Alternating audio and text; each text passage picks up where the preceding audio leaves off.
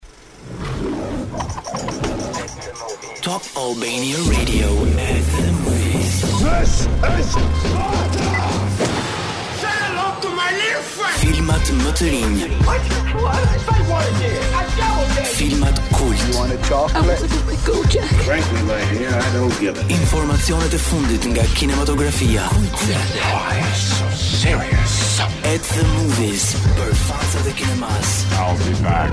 Personazhet e preferuar, filmat që bënë historinë. My mama always said life was like a box of chocolates. Top Albania Radio at the movies. Përshëndetje të gjithëve, mirë se vini në At the Movies. Në këtë muaj pushimesh ka nisur korriku edhe pa dyshim që kur jeni me pushime, Po themi jo të gjithë, po ka shumë njerëz që i marrin pushimet edhe tani në këtë pjesën e parë të korrikut. Edhe është pa dyshim një kohë shumë e mirë për të gjetur hapësira përveçse për plazh edhe për të parë filma të mirë, seriale të bukura. Përshëndetje koleg, si fillim. Po të na shikonit dhe jo të na dëgjonit, do e kuptonit që Edi është mentalisht me pushime right now. Mentalisht me pushime kam një lloj ndjesie pushimesh edhe pse pushimet tona janë ende pak larg. Look-u yt e dëshmon këtë gjë. Okej.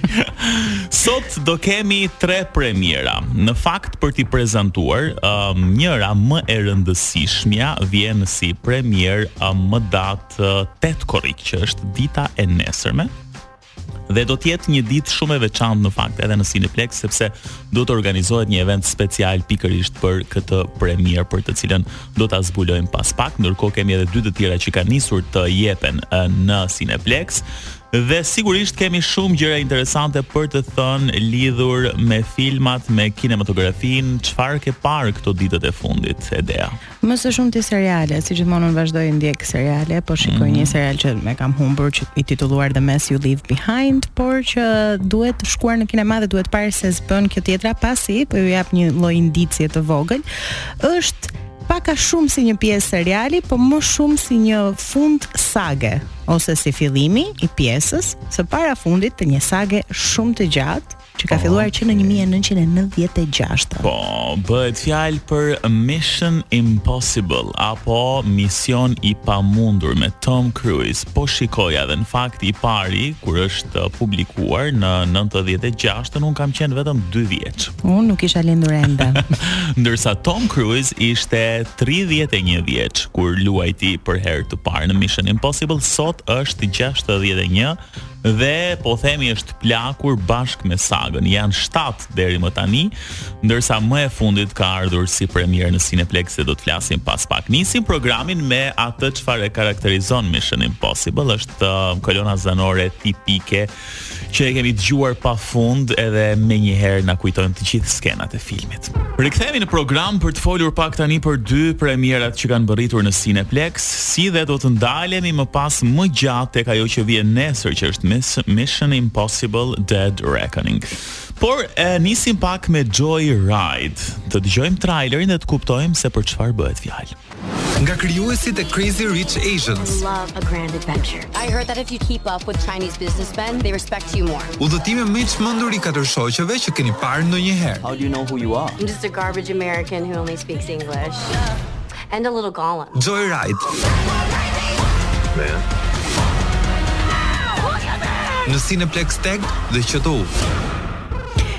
Katër mikesha aziatiko-amerikane vendosin të bëjnë një udhëtim për në Azi në kërkim të nënës biologjike të njërës prej tyre.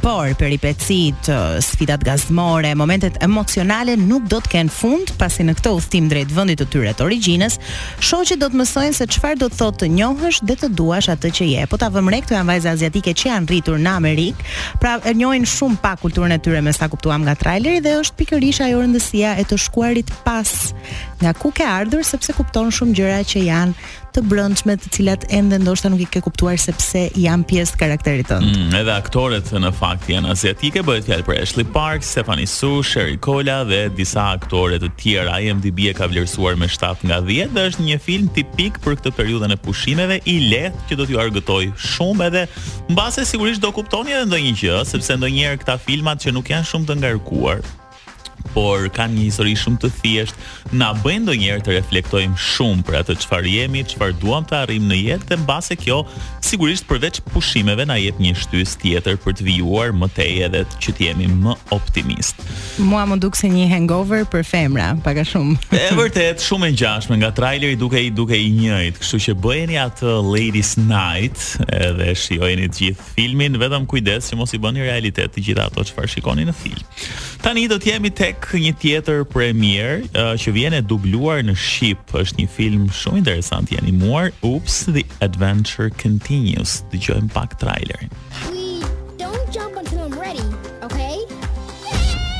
A do të arrijnë Fini dhe Lea, dy kafshë të adhurueshme, t'i shpëtojnë sfidat e pafundme e të krijojnë paqe në mbretërinë e kafshëve?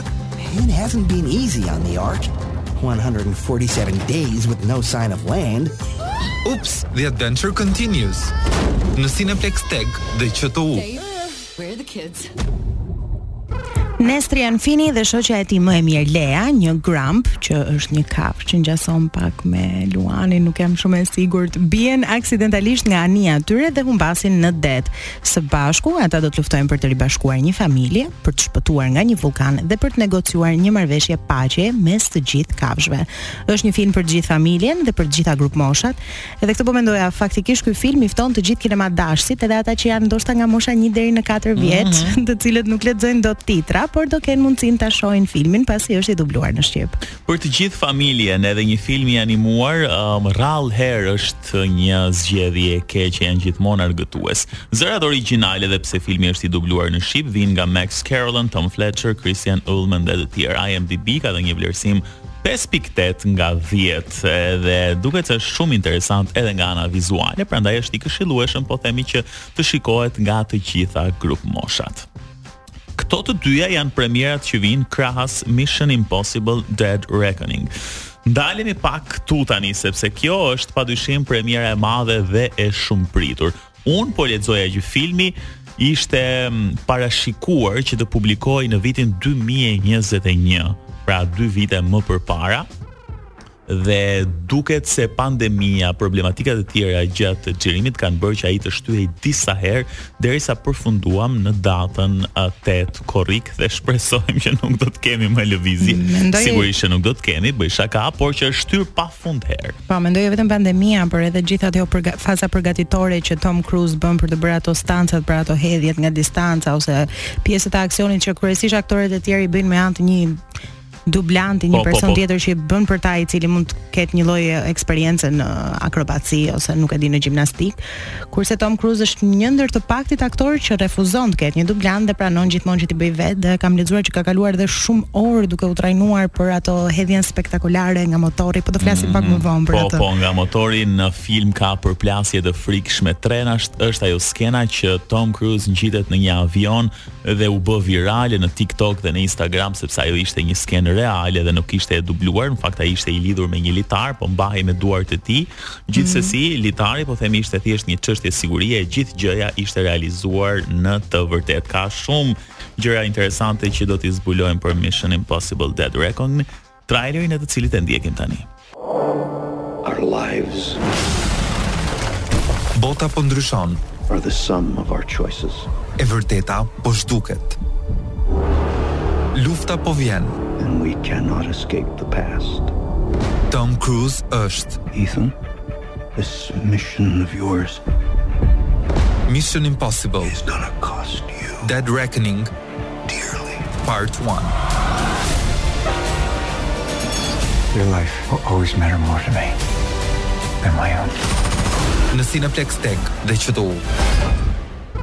Ethan Hunt dhe skuadra e tij IMF duhet gjejnë një armë të rrezikshme përpara se të bjerë në duar të gabuara dhe besoj se Mission Impossible si një sagë e veçantë nuk ka nevojë për marketing ose atë përshkrimin e detajuar të plotit që ne bëjmë për shumë filma, pasi Tom Cruise siç e dëgjuam nga traileri është vetë Mission Impossible dhe kësaj radhe do vi më i shpejtë, më i pamposhtur, më i rrezikshëm, një film i cili ka pasur një marketing shumë të mirë, doja thoja pikërisht për këtë pjesën që po flisnim skenën e hedhjes me motor nga një distancë, mm -hmm. nga mhm. një mal i madh, është diçka që mua personalisht më ka dalë nëpër rrjete sociale rëndom, pra pjesa e xhirimeve dhe fakti se si ai e bëri vetë të gjithën, Gjë që mendoj që ka shërbyer si një marketing shumë i mirë, sepse unë që ndoshta nuk jam një fanse shumë e madhe e aksionit, për shkak se e di që Tom Cruise është hedhur vetë nga ajo lartësi, më bën që të shkoj dhe ta shikoj po, ta shton, ta shton kuriozitetin absolutisht, edhe duhet thënë që Um, edhe këtë pjesë të 7 apo këtë seri të 7 e kanë mbajtur në po të njëjtin ritëm dhe mbase kanë shtuar akoma më tepër skenat e aksionit që ka pafund dhe janë Ato skenat shumë um, të fuqishme që i sjell vetëm Mission Impossible, që janë hedhje nga lartësitë, përplasje, aksidente dhe gjëra të tjera që padyshim e karakterizojnë këtë këtë premierë. Siç thamë edhe më herët, ky është filmi i shtatë um, i gjithë sagës, ndërsa është i dyti që pason Mission Impossible Fallout që erdhi në 2018 që gjithashtu ishte mjaft i suksesshëm. Duke qenë se ky është Mission Impossible Dead Reckoning Part 1, na lë të kuptojmë që nuk do të jetë filmi i fundit. Të paktën edhe një tjetër që duhet të jetë Part 2 është 99% i konfirmuar edhe pse nuk ka ende një lajm zyrtar lidhur me këtë, por burime thonë që pa dyshim duke qenë edhe nga titulli Part 1 absolutisht që do ketë edhe një part 2. Më frikson kjo pjesa kur thuhet part 1 sepse tani po filloj të mendoj që ndoshta na lënë në një cliffhanger që amerikanët e quajnë cliffhanger, është mm. ai mhm. momenti që filmi nuk përfundon, po të lë tek një skenë që ti je duke u dridhur në karrigen tënde dhe thua a do shpëtojë, a s'do shpëtojë, a do mbijetojë, a do ndodhë kjo. Sa momente do kesh ah, të tilla, do të po jetë të pafundme. Atë Edhe do kesh shumë sepse filmi zgjat 2 orë 43 minuta. është relativisht i gjatë, okay. por duke qenë se filmi është i mbushur me aksion edhe uh, po themi me zhvillim nga fillimi i filmit deri në fund nuk do t'ju mërzisi aspak. Rotten Tomatoes e ka vlerësuar me 98%, që është një vlerësim tejet i lartë.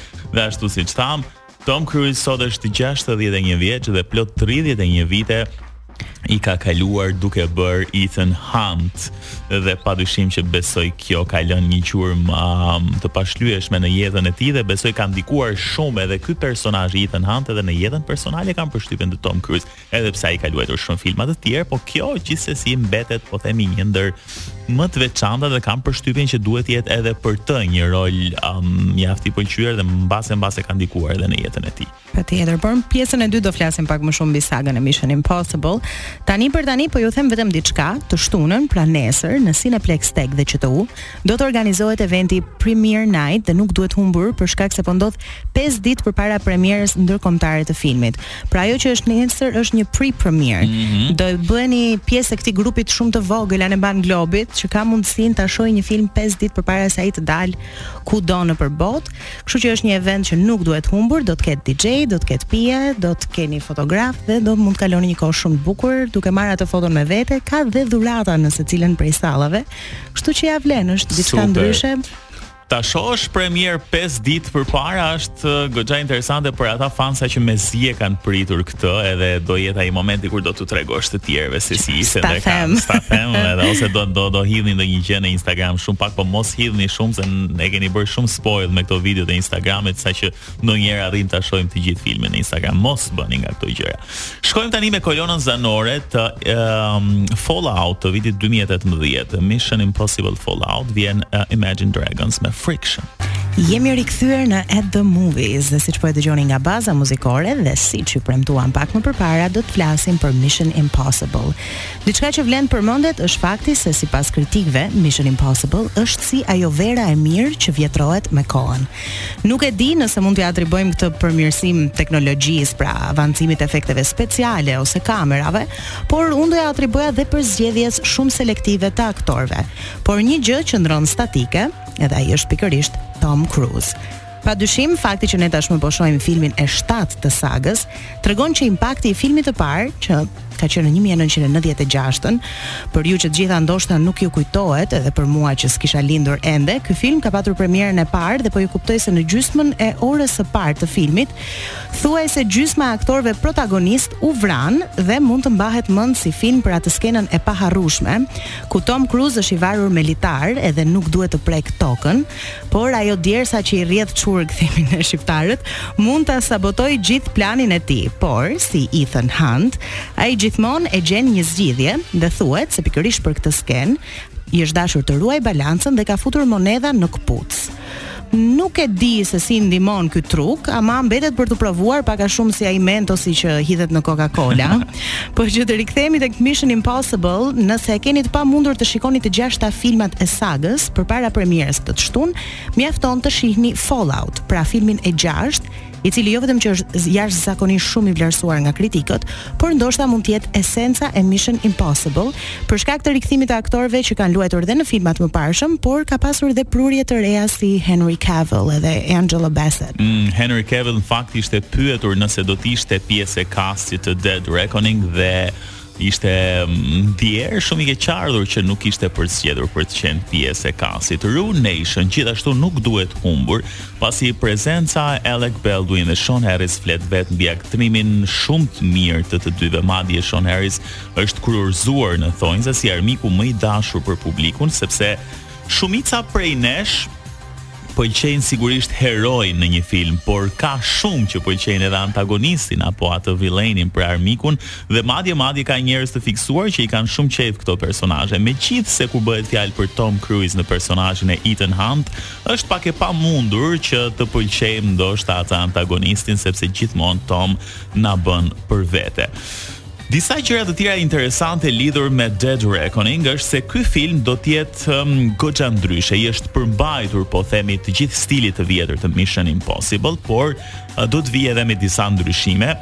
Vetë Tom Cruise në një intervistë është shprehur se kam dashur edhe vetë që ky film të jetë më emocional. Nuk e di se pse është kjo zgjedhje. Në fakt kemi parë shumë filma edhe tek James Bond, edhe tek disa të tjerë që Ana emocionale ka qenë ndoshta kjo pjesa kyçe të gjithë filmave, duke qenë se mbase e prekin publikun pak më tepër, kështu që me siguri do të kemi shumë skena emocionale dhe madje madje edhe mund të qani me Mission Impossible, mos t'ju duket habi. Kur ke edhe ndoshta ke bërë 7 filma të së njëjtës sagë, është ai momenti që ke edhe pak të drejtë të kërkosh gjëra që ndoshta një aktor tjetër nuk do kishte fuqinë të kërkonte. Dhe mendoj se Tom Cruise e ka fituar këtë aftësi për shkak edhe të gjithë skenave të cilat ai ka përgatitur atyre hedhjeve me motor që po përmendim dhe pak më përpara. Mm -hmm. Lexova diku se ai e ka tentuar dhe është përgatitur, është trajnuar pafundësisht dhe mund të jetë hedhur 13000 herë nga një pistë që është ndërtuar specifikisht për të, okay. vetëm për të qenë gati për skenën e tij. Shumë interesante. Ka edhe fytyra të reja tek Dead Reckoning, pra aktorë të rinj që janë bashkuar për herë të parë uh, castit si Shea Whigham që vjen nga Joker apo Nicholas Hoult që vjen nga Batman. Thamë që do të jetë i mbushur me skenat tipike, të paktën nga traileri kuptohet që do të ketë një herë hedhje nga lartësitë. Është një përplasje trenash ku uh, Tom Cruise shihet se është sigurisht uh, qëndron mbi tren, derisa vjen ajo pika fatale e përplasjes së jashtëzakonshme dhe sigurisht se çfarë do të bëhet më pas me të mbetet për t'u parë në film. Um, ngjitje me motor në terrene ekstreme dhe shumë gjëra të tjera. Sa i përket um, lokacioneve të filmit, ai është xhiruar në Norvegji, në Romë, në Londër, në Birmingham dhe në Lindjen e Mesme. Pjesa më e madhe e xhirimeve thuhet se është bërë në Mbretërinë e Bashkuar dhe kryesisht në Londër. Një fakt tjetër interesant është se një personazh shumë i dashur për Mission Impossible, që është ish drejtori i kompanisë IMF, ku është edhe Ethan pjesë e saj, uh, emri i personazhit është Eugene Kittredge do të rikthehet në pjesën e 7 pra tek Dead Reckoning dhe do të luhet sërish nga Henry Czerny, kështu që mm, edhe ky është një lajm i mirë për të gjithë ata fansat klasikë të Mission Impossible. Ok, duhet bëjmë një shkputje tani, Eri, po, ndërkohë ne po shkojmë sot vetëm me kolonat zanore të Mission Impossible ndër vite, e radhës është Dreams nga Cranberries. Ne kthehemi në program, sepse kemi tashmë um, një fitues për të shpallur sa i përket Kuizit të javës që po lëmë pas, ne kemi publikuar një video të shkurtër në faqen tonë në Instagram, ku në fakt kemi një personazh të një filmi i cili thotë një shprehje po pa zë dhe ajo çfarë duhet të bëni ju është që të gjeni shprehjen dhe ta shkruani në koment ai që e gjen i pari apo ajo që e gjen i pari sigurisht dhe jep përgjigjen e saktë shpallet fitues. Dhe është pikërisht Xhimi uh, ai i cili ka gjetur këtë radhë përgjigjen e saktë dhe ka komentuar i pari, bëhet fjalë për shprehjen There will be blood shkëputur nga filmi me po të njëjtin titull. Kështu që Xhimi uh, je bërë fitues i dy biletave për në Cineplexx edhe mund të zgjedhësh filmin tënd të preferuar Edhe të shkosh edhe të shijosh një mbrëmje apo një pasdite apo një ditë të këndshme. Por, ne sugjerojmë që ti të shkosh nesër në Cineplexx TEG ose në QTU,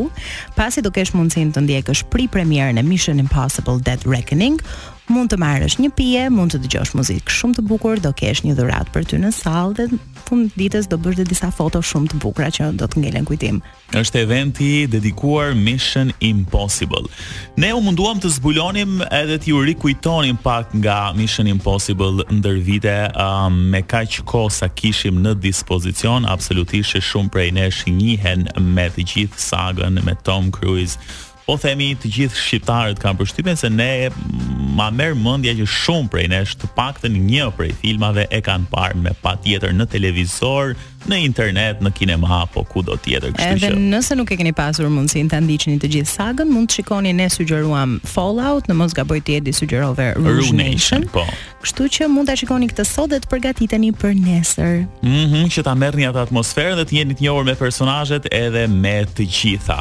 Do t'ju përshëndesim tani në fund me një këngë shumë energjike që vjen a, si remake i kolonës zanore klasike të Mission Impossible, është Take a Look Around nga Limp Bizkit, një këngë e viteve 2000, ndërsa a, ne do të dëgjohemi sërish bashkë të premten e ardhshme, deri atëherë shikoni filma të bukur edhe kalofshi sa më këndshëm. Mjaft këndshëm.